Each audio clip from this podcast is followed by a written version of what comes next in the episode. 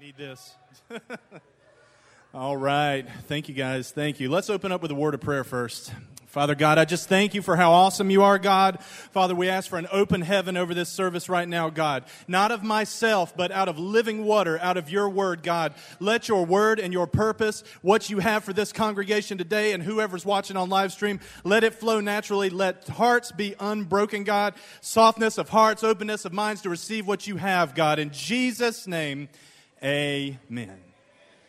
All right, I just want to preface, uh, preface things. Um, is that a word? Preface? Preface uh, things a little bit uh, before I get into this. This is actually a word I've been carrying since like August. Um, uh, Paul Kidd, when he got back from Kansas and he had that, you know, two weeks worth of, um, you know, preaching just on, you know, things that he had received out there in that conference about uh, breaking off of old yokes and us stepping into our mandate um, this just kind of flowed. I sat down at the laptop and God took my fingers, and literally I had like five pages within a couple of hours. But um, just something that spoke to me. But, you know, as time went on, we stepped into this season of prayer, which has been so good, so edifying, you know, refocusing what we need to be doing refocusing what our goal is, what our mission is. You know, we come, you know, when we come together in the house, when we meet each other outside in our assemblies, we should be praying for what the mandate on this church is. The mandate on this church is to go out into the city of Raleigh and reach the lost. Bring the gospel of Jesus Christ to people that are hurting, people that are orphans, and people that need that love. To, to just spread that. So we entered into a season of prayer and then we had Tiffany come up, and she, I mean, just her, her whole thing on prayer with identity, you know, just, you know, revealing who we are when we pray and what we do, you know, that spoke to me. And then you had Eric come back from New York with that awesome testimony about the Uber driver. For, you know, it, for, for those who weren't here or anybody visiting, Eric witnessed to an Uber driver on his way to the airport and had this girl delivered from like demonic oppression. And also, you know, um, Eric, I mean, I'm, I'm, I'm just like so you know, stirred by it. But then Scott got up here, you know, last week and he was talking about stepping into maturity, you know, the different resources we're going to have in the church with life groups, just meeting here on Sundays. You know, this work at work thing is going to be amazing because it's talking about the workplace. How many people, you know, go out into their daily lives during the week and there's another group of people out there besides your family here that you need to touch? that you need to be an example. We're made in the image of God. We need to be portraying that image of God in our daily lives, right? So anyway, just just this this just kind of stepped right back into it, even going all the way back to August. You know, it's such a timely message now. It's a message not only of conviction, but a message also of refocus. So, if we could pull the slide up, Kita. The title of my message today is Faith Without Love is Dead. Now, before you start saying heresy, the Word of God can't be changed, hold on. I'm not going to be changing the Word of God, I'm going to be elaborating on the Word of God. Okay? All right, so I want to start off by asking a couple of questions. And these are just kind of rhetorical questions. I want you to keep your answer to yourself and see if they match up close to the end of what I'm talking about today, if anything, you know, resembles, you know, what we hear today from the Word of God. So, first of all, what motivates you in your everyday interactions in the world? What is your motivating factor? Another question I want to ask you is what is your motivation when you assemble with brothers and sisters in Christ, whether it be here on Sunday, in prayer on Monday with the Jones family? Whether it's your life groups that are getting ready to start back up, growth tracks, or just breaking bread in your home. What is your motivation for getting together in a group and assembling? And finally, what are we commissioned to do? So, if we bring up my first slide, I think Jesus made it pretty easy when he gave us this. Our mission, when you become a born again believer, when you step into being a child of God, when you accept Jesus Christ as your Lord and Savior and you're covered under his blood, your mission's very simple. He said it before he went back to be with the Father. Therefore, go and make disciples of all nations, baptizing them in the name of the Father and of the Son and of the Holy Spirit. Teach these new disciples to obey all the commandments I have given you. So when we go out into the world, we are to bring the kingdom of God out of these four walls and introduce the public, the lost and dying world, to the gospel of Jesus Christ. God wants all people saved. That's the reason he sent his son. If he didn't want all people saved, why on earth would he send his son to die? For God so loved the world that he gave his only begotten son, right? So, what's our method? We know what we got to do. Jesus replied, He gave us two commandments. You must love the Lord your God with all your heart, all your soul, and all your mind. This is the first and greatest commandment, and a second is equally important. Love your neighbor as yourself. The entire law and all the demands of the prophets are based on these two commandments. So there's your method right there. He gave us two commandments love me and love everybody else the way you should love yourself as a child of God. Simple. In all of this, all of the laws of the prophets are fulfilled.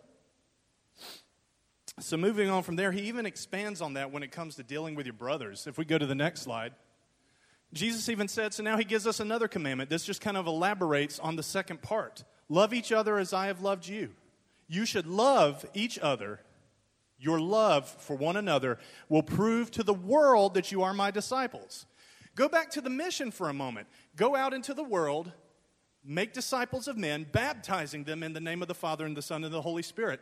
But right here, he says, The world will know you are my disciples if you have love for one another. So that's an elaboration on what the mission is. How do you do it? Love me, love people, but most of all, love each other because that's how they're going to know and that's how they're going to see me. That's stepping into the image of God. So there you have our mission and our method. Yes. And it's clear to see that love is the action that Jesus is taking us. I mean, that's all these verses have been about is love. Love, love, love. The love of God for us. It's clear that's the action that Jesus is talking about and what he wants us to take. After all, that's what God has shown us. If you go to the next slide, this is 1 John 4 7 11, I think. Back up one, maybe. There you go. Yeah, Okay. Dear friends, let us continue to love one another, for love comes from God. Anyone who loves is a child of God and knows God. But anyone who does not love does not know God. Let that, let that sit for a minute. Anyone who does not love does not know God. For God is love. God showed us how much He loved us by sending His one and only Son into the world so that we might have eternal life through Him. This is real love, not that we loved God, but that He loved us and sent His Son as a sacrifice to take away our sins. If I could just steal a word from David Hay, dude. I mean, that verse alone, just like David has said many times, should have us jumping out of our seats and exalting his name because this is something that there's no other religion on the face of the earth where God entered into his own creation to save rebels because that's what we are. Dear friends, since God loved us that much, we surely ought to love one another. Think about that. That's the love that we have received from God. That should be what comes through us. Whew. So let's go back to those two rhetorical questions I asked you earlier. Did love, other than when you saw the first slide, that was kind of a hint, but did love, was that one of the first things that popped into your mind? when what your motivating factor is going out into the world, your motivating factor coming in here or meeting when you're a little your assemblies, life groups, or whatever. And you know, the commission was love a part of that. Keep that in mind. So when we look at what we need to do, okay. So, no, going back to this, this was another verse, and I actually earmarked this one. I always bring the Word of God up with me if I get something new. I have my notes, and I've got my, my uh, you know, my verses in my notes here. But, uh, you know, you always need to have the Word of God nearby. Out of uh, 1 Corinthians 13, when it talks about love, what is love? It's patient, it's kind, doesn't, doesn't boast, it's not proud. Isn't that the kind of motivation we need to be bringing to the public?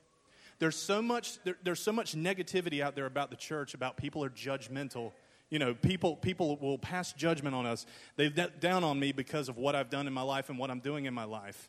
Well, it says right here that love is not prideful. We don't need to approach those situations. We need to love them enough to be honest, but we need to approach these situations out of love.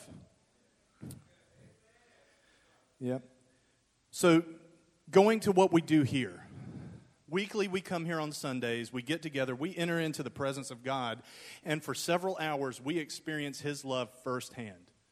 Not just through His presence in the meeting, not through worship, not through the Word of God that we hear, but also through our brothers and sisters. I tell you what, that's one of the biggest reasons I come here. Honestly. I love you guys. I love receiving love from the Father with an open heaven during worship and getting love from His Word. But I like it when I walk in and Miss Bonnie gives me a hug. it makes me feel warm and jittery when I see Jessica Johnson smiling at me. I'm like, yeah, I'll come back next week. These people are awesome. and they have a coffee bar. They love me enough to have coffee out front for me every morning. But honestly, that's the kind of thing that we experience in here. The next, ver- the next slide Hebrews 10 24 through 25. Let us think of ways to motivate one another to acts of love and good works. And let us not neglect our meeting together, as some people do, but encourage one another, especially now that the day of his return is drawing near. So, in these, not neglecting our assemblies and getting together, we need to be getting together to experience that love so we know what to take out into the world. We need to experience other, we need iron sharpens iron. It says, think of ways to motivate and encourage each other towards works of love, good works. And then the next verse, I mean, if, if, you even look at Acts 2, when it talks about what they did and how this church was multiplied, it said that they met together in each other's homes, broke bread, they went to the temple and worshiped together. You can't neglect the meeting of the saints. You've got to get together. We've got to experience that love. We've got to, going back to the other verse, we have to have love for one another. Ought we? have love for one another? Absolutely. So, the author of Hebrews says that we should always meet together and motivate and encourage. And we come to worship our King and encourage and motivate each other as family and brothers and sisters because, you know, we're, we're one in Christ when we have Him. You know, um, what motivates us?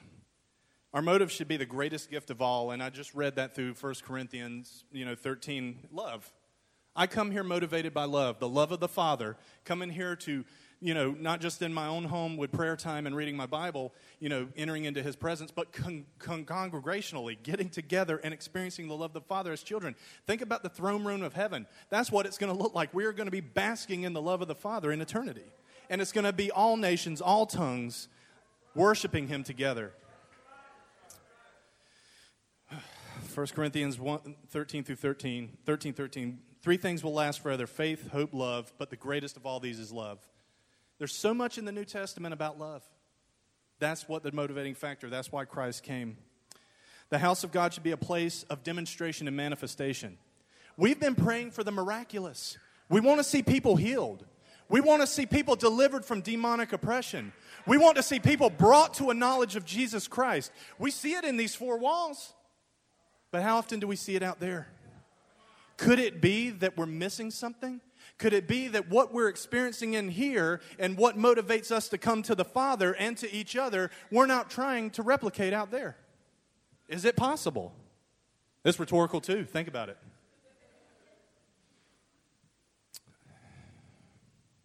What we receive in here should be duplicated out there. You know, that verse from Genesis where it talks about, let us create God in our image. We are image bearers of the living God. And that's it. then when you go to Romans when it talks about people not being of not having an excuse, there's evidence of God and his love everywhere in this world. But it's our job to step outside these four walls and demonstrate that in our interactions. So let's go back to the mission really quick and think about that. Go and make disciples. In our daily lives, we need to be prepared to demonstrate the love of God, and not only in our assemblies, but outside and make disciples teaching the love of God, that the blood of Christ can actually accomplish something in your life. On a daily basis, Christians, not just us, I mean, you know, the church in general, you know, we venture out into the world and this is our mandate, this is our mission, but how many of us try to do it out of ourselves? Or how many of us try to do it with a motivation other than love? There's so many people that go out there, whether they have a ministry, whether they are, you know, they're, they're stepping into a call in their church and they've been given a title. You know, they go out there and they, they, they're trying to make a show of themselves. You know, I'll share a quick story. Uh, there was a, you know, I was at a lunch one time sitting around a table, and there happened to be the wife of a treasurer for a church sitting at the table during, during the lunch. And, um, you know, they, she ended up talking about her church a little bit, and there was like a lot of good things. You know, there was some people there that weren't church, weren't saved. So then all of a sudden, the topic of tithing and offering came up. And uh, her countenance changed. And she looked across the table at these people that were unchurched and said, Oh, I get to see the treasury report. I know who the real sinners in this church are. Had I been a little bit bolder, I would have said, honey, add your name to that list. Because you may be consistent and on time with your tithes and offering, but your pride and your gossip just added you to that list. I mean, interactions like that, you know, what's the point of even saying you're a Christian if you're going to walk out there and badmouth things?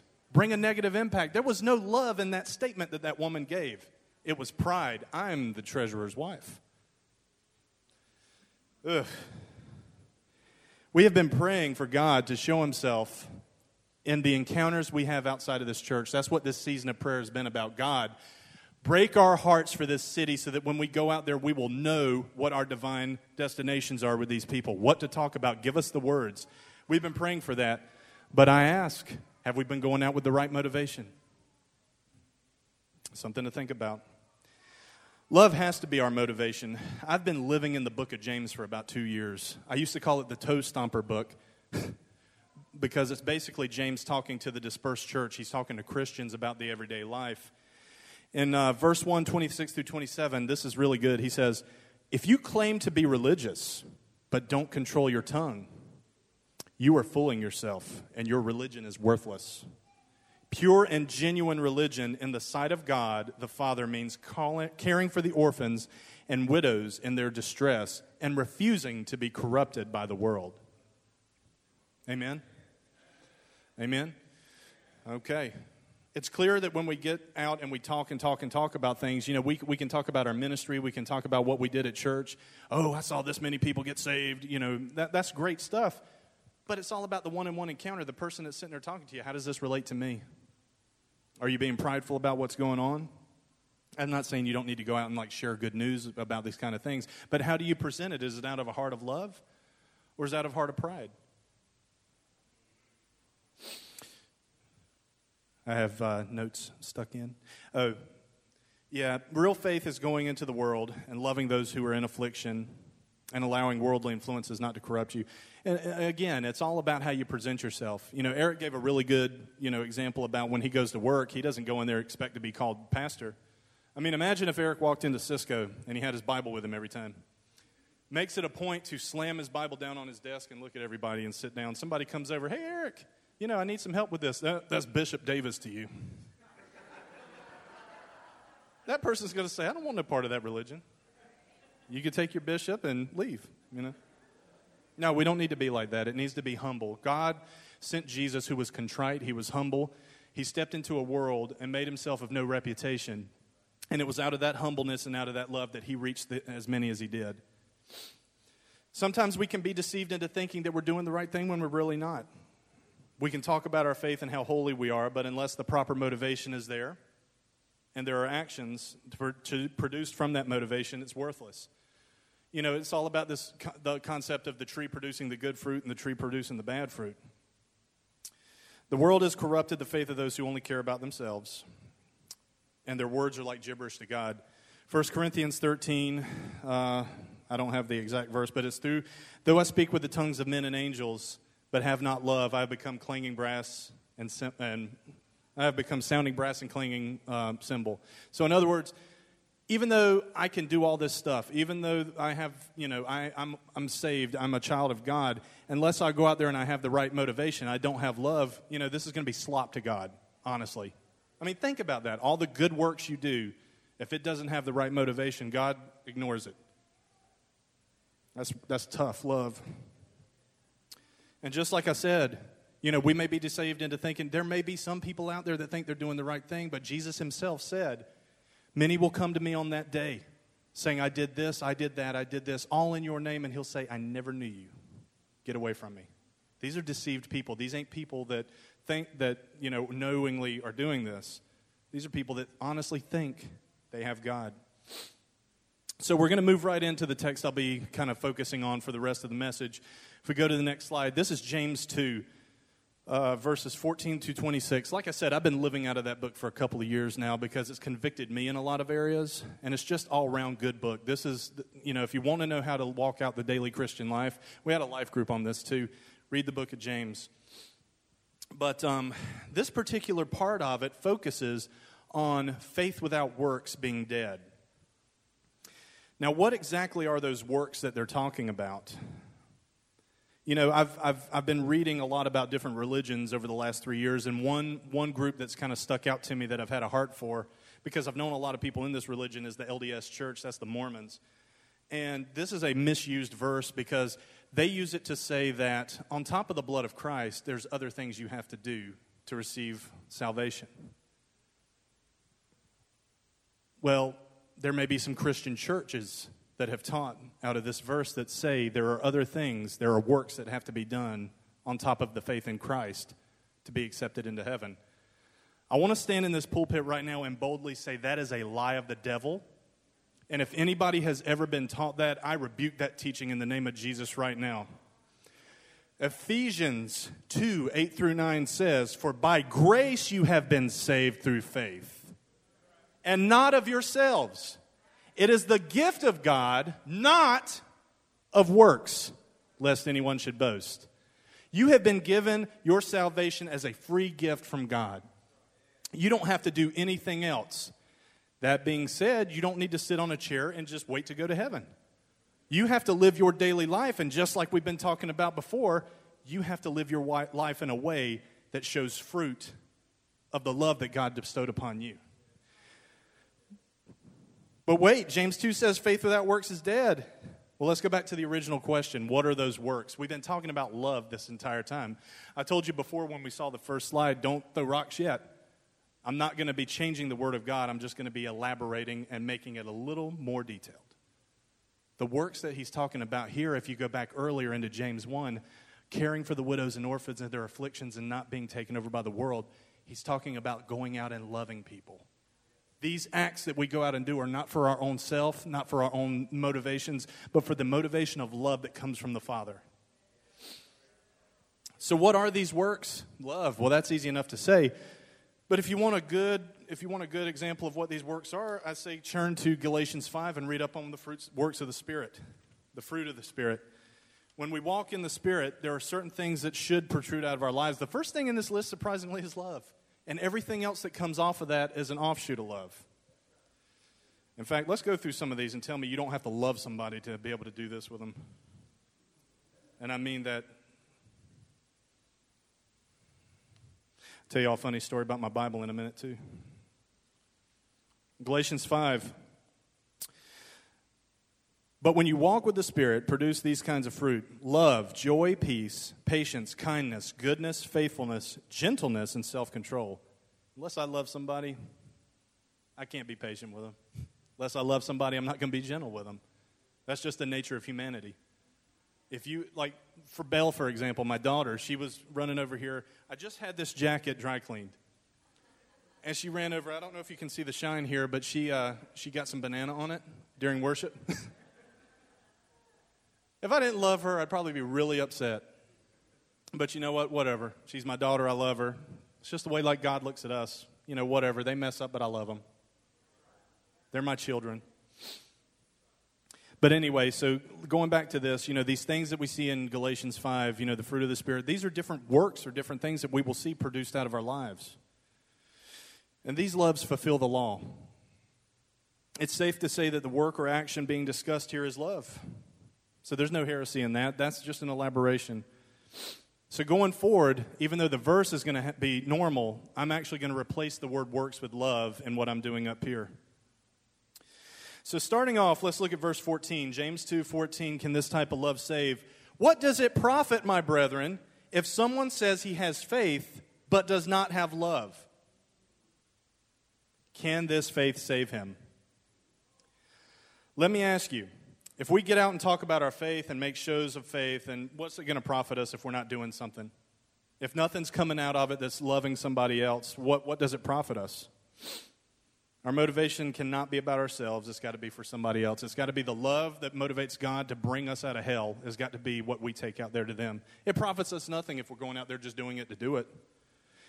Moving on to 15 through 17. If a brother or sister is naked or destitute of daily food, and one of them says, and one of you says to them, Depart in peace, be warmed and filled, but you do not give them the things that are needed for the body, what does it profit? Do I need to read that again? I know I need to hear this again. If a brother or sister is naked and destitute of daily food, and one of you says to them, Depart in peace, be warmed and filled, but you do not give them the things that are needed for their body, what does it profit? Thus, faith by itself, if it does not have love, is dead. How many times do we walk out of these meetings every Sunday and we come into contact with somebody that's in need? A waitress down on her luck, a mom struggling to feed her kids. How about a motorist broken down or a homeless person begging? How many times do we come out of our Holy Ghost meetings and waltz right back into the world where there are people that are being talked about in that exact verse? They're needy, and we do nothing except, God bless you. Jesus loves you. What does it profit? Here's another thought what about the estranged family member that you're offended with that can't pay their bills? What about a coworker that gossiped and got you in trouble? What if he's the stranded motorist beside the road? What about the minimum wage fast food employee that's taking just a little too long with your order? How many people don't love them? Everybody should raise their hand. I know I've done it a couple of times. Uh, what about the police officer that gives you a ticket for expired tags? $200, $300 plus a day off of work? Have to drive to the courthouse? Did God command us not to love them? No. In our daily interactions, anybody who's in need, whether it's somebody we love and know that's obviously need that we empathize or we pity with, or somebody that we don't necessarily want to be around. God hates sin, and we were sinners. He didn't want to be around that, but he loved us enough to come to do what he did. Think about that. When it comes down to it, we can pray for someone in need, and we can quote love from afar for the people that, you know, we don't want to be around. But scripture says that we have to have substance to make a difference. If we have substance to make a difference, we are, and merely offer words, what's the point of even saying God bless you to these people? Another story I'll tell you I was working at the dock over at uh, Stock Builders right after I graduated high school, and there was a pastor on the dock. And um, I remember he got into a verbal argument with somebody. And, uh, you know, the end of the argument was he, he pointed at the person and just like with the nastiest snarl on his face says, I'll be praying for you. like, that guy didn't get blessed out of that. I was just standing there like, man, I don't want to go to his church. But no, we need to refocus on those types of things. If we see something and we have the means to make a difference, do it. That will show the Father's love to these people. We move on to James, and it's uh, 18 through 19. But if some, but some of you may argue, some people have faith and others have good deeds or love. But I say, how can you show me your faith if you don't have love? I will show you my faith by my love. There are those in the body of Christ that will have this thought. I know that other churches I've been in, probably in this church, you see people go out and do things like, you know, Jim and Eddie. Not all of us are a Jim and Eddie. We can't go out and evangelize to the city, stand on the corner, and rip people out of hell. But there's some people that look at that and say, well, that's your thing. You know, I'm, I'm still saved, but you, you go do your thing. Well, no. You've got to have acts of love pouring out of your life. It may not be going out and screaming at people and you know pulling them out. Jim, you don't scream at people. I'm sorry, but but it may not be people going out and you know you know bringing the gospel in such a bold way. But it's your interactions during the week. There has to be fruit coming out of that. And if you go into the your, your if you go into your life saying, "Yeah, I have my faith in Christ, but I, I don't have to do any of this stuff," that's just that's just what for some people. No, what does it profit? Matthew 7 says, You will know them by their fruits. This is the tree that produces good fruit and the tree that produces bad fruit. If you think you're doing the right thing, but you don't have love as a product of your faith, you're lying to yourself and you're deceived. Paul goes on to ask, How much is your faith substantiated if there's nothing produced from it? The motivation for things I do and the motivation for the love I have for people will show my faith. That's what Paul's saying there. Christ is the best example you can look at for that. God in the flesh, he walked the earth with love for people, and out of his compassion, many a great miracles and signs came about. Could it be that we're like, like I said, could it be that we're not seeing these things because we're not walking in that same motivation? You say you have faith because you believe in one God. Wonderful. Even devils believe and tremble. Do you really think belief is enough? Yeah, Joey. Acts 16:31. Belief in the Lord Jesus Christ and you will be saved. That's a great verse, but there's context in that verse you need to look at. This is the story of Paul and Silas in prison. They were worshiping God and praying, and sure enough, an, earth, an earthquake came and broke the chains so that they could be free. The jailer was so distraught, he, just, he was about to kill himself. Paul and Silas called out and said, No, don't do it. We're still here. He comes to them out of that act you know, he, they didn't leave, they were obedient. He says, Well, what do I need to do to have your God? They said, Believe in the Lord Jesus Christ and you'll be saved. What happens after that is what's significant. It says that Paul and Silas taught him the Word of God. The jailer then cleaned their stripes and prepared a meal for him. Acts of love out of belief in Christ, not a belief in Christ with no acts of love. James says that there is James says that if we only believe and never love for others, we are no different than the demons who believe and hate everyone and everything. You know, that's a scary thought, and it's kind of humbling just out of that verse. I meditated on that for a while. Isn't it scary to know that you can believe in an all knowing, all loving God, but still have the capacity to hate? Just like the demons? Mm still have the capacity to hate, hold grudges, all that. As an additional warning in John 3 through John 3 14 through 15, if we love our Christian brothers and sisters, it proves that we have passed from death to life. But a person who has no love is still dead. Anyone who hates another brother or sister is really a murderer at heart. And you know that murderers don't have eternal life with them. I just want to stop here for a moment, and I want everybody just to, just to listen. If you are holding a grudge, if you have hate in your heart for somebody, if there's somebody that you're, that you're struggling to, to have any type of love for, repent. Try to make amends. Try to restore that relationship. They'll know you by your fruits.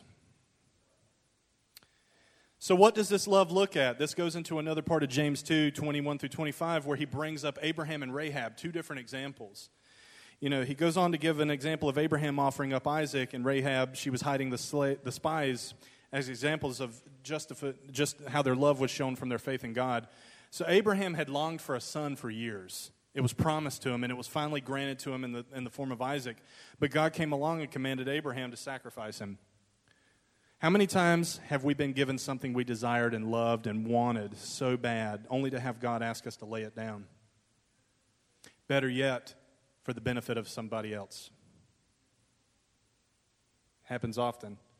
Abraham was accounted righteous, not because he attempted murder or sacrifice, but because he loved God enough to be obedient to the command. First commandment, first part of the method, method love the Lord your God.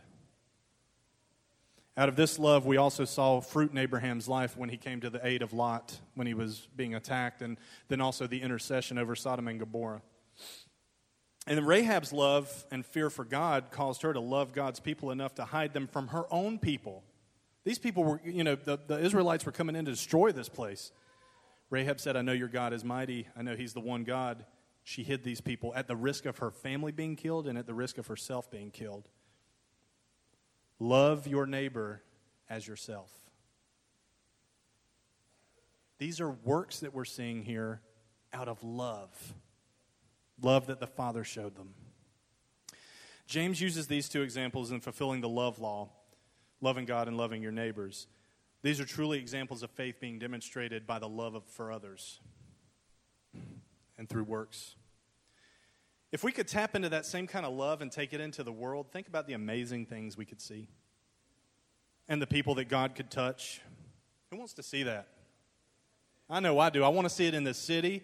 I want to see it in Raleigh. I want to see it in Cary, Apex, Fuquay-Varina, Lillington. I want to see it all over these places where I have a heart for the people. But you got to have love for them too. We wrap up James 2 14 through 26 with the final verse 26. Just as the body is dead without breath, so also faith is dead without love. You can't have one without the other. That's the Word of God. Pure and undefiled religion calls for our faith to come out of love and not be selfish. So, if we're in this boat, how do we make the shift?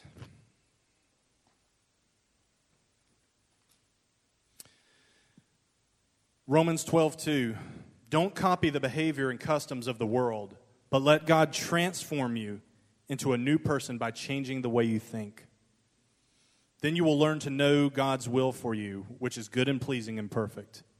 See, so often we receive salvation and we run out and we, you know, we want to we want to do good things, but we don't wait for, you know, maturity and everything. We need to allow God to change our minds. When we're in God, we're a new creation. The key here is to let him transform you. We should desire to think the way that he did. So, how should we ought to think? This is one of my favorite verses in the Bible Philippians 2 5 through 8. Listen to this. Let this mind be in you, which was also in Christ Jesus, who, being in the form of God, did not consider it robbery to be equal with God, but made himself of no reputation. He wasn't Bishop Jesus, he wasn't the missionary Jesus, the evangelist, or the apostle Jesus. He was, he was, he was Jesus made himself of no reputation, taking the form of a bondservant. He didn't have a big mansion in those days. No, he, he, it said that the, the Son of God hadn't, you know, didn't have a place to lay his head. And coming in the likeness of man, and being found in appearance as a man, he humbled himself and became obedient to the point of death, even the point of the cross. Paul says we should share this same mind that was in Christ Jesus. We're not gods, but we are saved and He calls us His children. But we don't need to boast about our status in the world. I mean, was there ever a place in the Bible, and correct me if I'm wrong, that Christ pounded His divinity over someone's head? Where He sat somebody down and said, You need to listen to everything I have to say because, you know, you, know, you don't know nothing, da da da. No. He, he, he expressed those things in love.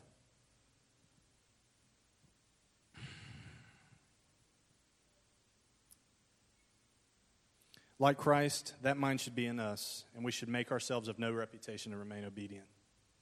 Christ was led by the Spirit just as we should be led by the Spirit. Going back to Galatians 5, it says that we should walk in the Spirit. When Christ was led in the Spirit and that love of God poured out of him, you saw the miraculous. Eyes were opened, demons were cast out, people were healed, people were brought to a saving knowledge of God, people were being ripped from hell. We got to be led by the Spirit and not of ourselves. Can we let go and let the Spirit command us?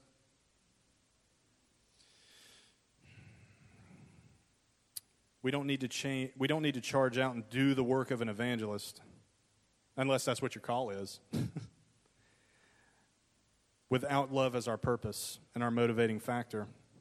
Without the Spirit guiding us, the interaction is going to falter. I'll give you one more story from personal experience. I was working for a credit union uh, down in Fuquay several years ago, and we had this little town festival where we set up a booth and we were giving away like little like you know knickknacks and stuff, but we had brochures, you know, advertising the company. And there was a girl working with me that was unchurched; she didn't know Jesus, and I was, you know, being young in the faith, I was thinking like, man, this is a great opportunity for me to try to share something with her. But I mean, you know, I was thinking too much of myself and not really like letting God kind of guide the conversation. Well, this lady strolls up to the table and starts looking at our stuff. And um, she goes right into her sales. Hey, have you heard of such such credit union? You know, we're, we're over here. You know, da, da. no, no, no. I bank at such and such. Um, if you have a moment, we're doing a survey today. And so the girl that I worked with was like, okay, I'll do a survey. And she said, uh, okay, question number one How many different types of beer can you name? I think the girl rattled off about 14, 15 types of beer. I didn't even know those existed. this was, I, I, remember it vividly because it's burned into my head. This was the woman's posture with question number two. Mm, how many Ten Commandments can you name? The girl still didn't know what was going on. I picked up on it right away. The girl says, Oh, uh, you know, there's one about not lying. I think there's one about not committing adultery. You know, you can't steal either. Yeah. Yeah, that's, that's about all I know. The woman looked right at my coworker and said, hmm, Don't you think it's a shame you know more types of beer than you do Ten Commandments? Right then, you might as well like took if there was a switch on my coworker, you might as well just flipped it right off. She wasn't going to listen to anything else this woman had to say. I don't want you to go to hell. The woman, my coworker said, "Ma'am, you can walk now. I'm done." So she finally walked off she turns to me. She knew I was a Christian. She says, That's why I want nothing to do with your organized religion. How was I supposed to bounce back from that? I gave her the whole, you know, men fail, but God don't. But, I mean, like I said before, you might as well have just turned that switch off. She wasn't going to listen to anything else. Wherever she is today, I hope she's found Christ. Prayer uh, apart from that, prayer is a must. You know, the emphasis we've been putting on prayer recently has been very important and it's necessary. You've got to pray for who you love. I pray for my family, I pray for my kids, I pray for my wife. But I need to be praying for the people out there that I'm going to come in contact with. I need God breaking my heart for these people because I need to love them if I'm going to go up and talk to them. That's essential. You're not going to go up and love somebody that you're not praying for. That's a fact unless you pray for these people. You may not know them by name, you may not know what they look like yet, but you know what? God, give me the words to say to these people. Father, break my heart for this community in this city so that when I go out, I can be an image bearer for you and bring your spirit to them and show them your love. How many times do we pray like that outside of this setting? Do we pray like this at home? When you go out five days a week to where you work or where you go to school, that needs to be a focus of what you're doing. You need to be prayed up. You know, Scott, for, for months now, has been saying when, when we have visitors, and if there's visitors here, this is true. If we have visitors coming in, we should be able to tell them, we've been expecting you because we've been praying for you, and we want, we, you know, we, we want God to meet you. How can we do that and not lie if we're not doing it at every point? It should be a, it should be a, uh, it should be a requirement. It should be something at the forefront of your mind when you're praying to pray for the people that you're going to encounter. I was watching a movie about a guy that lived over um, um, overseas. Opened up every morning when he woke up. He said, "God," he said, "Take me to the people you want me to talk to." That was the first thing out of his mouth when he prayed every morning when he woke up. Father, take me to the people you want to know you. That should be us. I'm also a firm believer that we tend to pray for those who we care about. Like I said, you know, you know, John 17 is one of the best examples of that when Christ was in great travail in the garden, you know, praying not only for the disciples, but also for us. Make us one. Before we go out into the world with the mission of impacting people with the gospel, dying to ourselves, should we not, like Christ, spend serious time in prayer? Can I get a, who's the keyboarder? Troy, thanks. Troy Dye, everybody. so, to kind of wrap things up, the time has now come to go out into our daily lives as a witness to Christ. If there's been an apathy or something that's been resting on our shoulders, a yoke that we need to break off, we need to do it today. Not by being a street corner evangelist, unless that's what your calling is. Not by blasting all your coworkers over the head with your call and your gifting. I'm the apostle. I'm the prophet. I'm the evangelist. Not by doing any of that. No, we need to walk in the same spirit and be led by the same spirit as Christ, and that's to go out and reach a lost and dying world in love. It's going to be hard. When you go out and you try to be nice to people, I don't know if you've noticed this, but you tend to run into persecution and people try to run all over you. It's not going to be easy. How do I do this? How do I accomplish this? I'm going to share one more story with you and then we'll wrap up. This was a story that happened in the news back in 2006 and it still sticks with me today. In 2006, the Amish community of Nickel Mines in Lancaster, Pennsylvania, suffered a devastating tragedy. A milk truck driver by the name of Charles Roberts entered into a one room Amish schoolhouse, took several students hostage. He shot and killed 10 female, no, he shot 10 female students, all under the age of 14, before turning the gun on himself, and five of those girls lost their lives.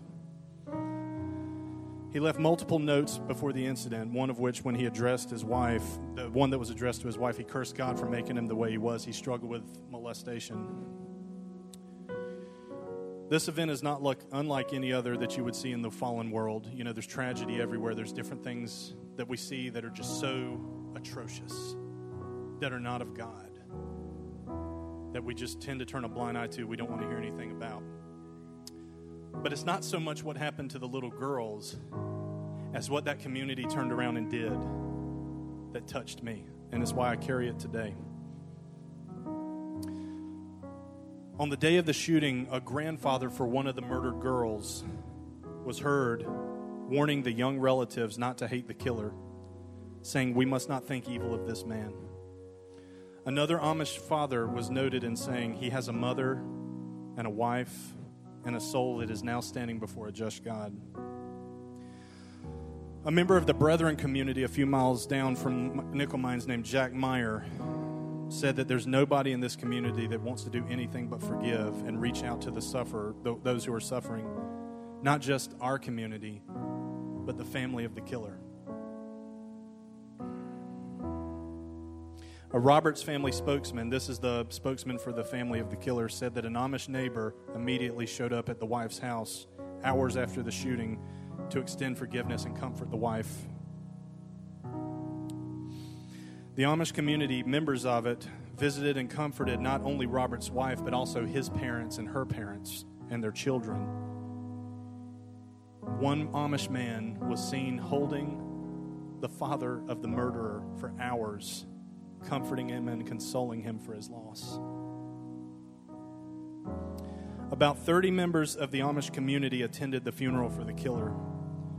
And Marie Roberts, the widow of the killer, was one of the only outsiders invited to the funeral for the little girls. The Amish, who do not normally do this, set up a charitable fund to support the children of the killer. Marie Roberts wrote an open letter to her Amish neighbors, thanking them for their forgiveness, grace, and mercy. She wrote, Your love for our family has helped to provide the healing we so desperately need. Gifts you have given have touched our hearts in a way no words can describe. Your compassion has reached beyond our family and beyond this community and is changing the world. And for that, I sincerely thank you. Beloved, I'm a father. Maybe one of the reasons that this touches me so much is I have a little girl. And standing right now before you, I don't know that I can honestly say I would react the same way the Amish did if somebody did that to my girl. And you know what? It's convicting. The story of love bestowed on the family of the killer has ministered to many and has given a clear demonstration of how to walk as Christ in the midst of persecution. This community in the story did nothing more than love and be obedient. And like the widow's letter stated, an act of love showed had reached far beyond the family and had touched an entire world. And if you need proof of that, here I am 12 years later standing in a pulpit talking about it because today it still messes with me. I want a love like that. That's the love of Christ to walk into a situation where you're hated, where you're not understood, that's the world. We walk into it every day when we leave these four walls. And we should be able to walk into it with the same grace that Christ did in love. You know, there may be some people in here that don't know what I'm talking about. They may have never experienced or felt that kind of love before. That's the love of knowing that an all powerful, almighty, infinite, God who could have just wiped us out and started all over again, loved us enough to send his only Son, Jesus Christ, to this earth to suffer the same things that we suffered in life. Took upon himself a body of flesh and bone, the Word of God, He overcame all those things. He was betrayed, he was abandoned, he was beaten, and eventually he was killed. All for us, for no other reason but to redeem us back to the Father. The beautiful part of that story is he didn't stay in the grave, he is risen. And because of that sacrifice and that resurrection, this love is available to you. This love that I have been talking about, that's in the Bible, that's shown through the life of Christ, is available to you if you only come to Him and say, God, I repent. Make me new. Renew my mind. I want to love the way that you love. I want to love the way you love me. If anybody in here today does not know Jesus Christ as Lord and as Savior, I encourage you today to know Him. Maybe you're holding on to something an anger, an offense, an insecurity, a grudge, maybe fear. Maybe there's something inside of us that's keeping us from going out and loving the world the way that Jesus did. And I implore you, if that's you, ask God to reveal those things to you. Repent and move forward. We have a mandate and a call to go out and reach a lost and dying world. John 14 says, that he who believes in him will do mighty works, the works that I have done, and even greater works than I have done. Who's ready to do greater works? Who's ready to show greater love? Are you ready? What is your motivation? What is your mission?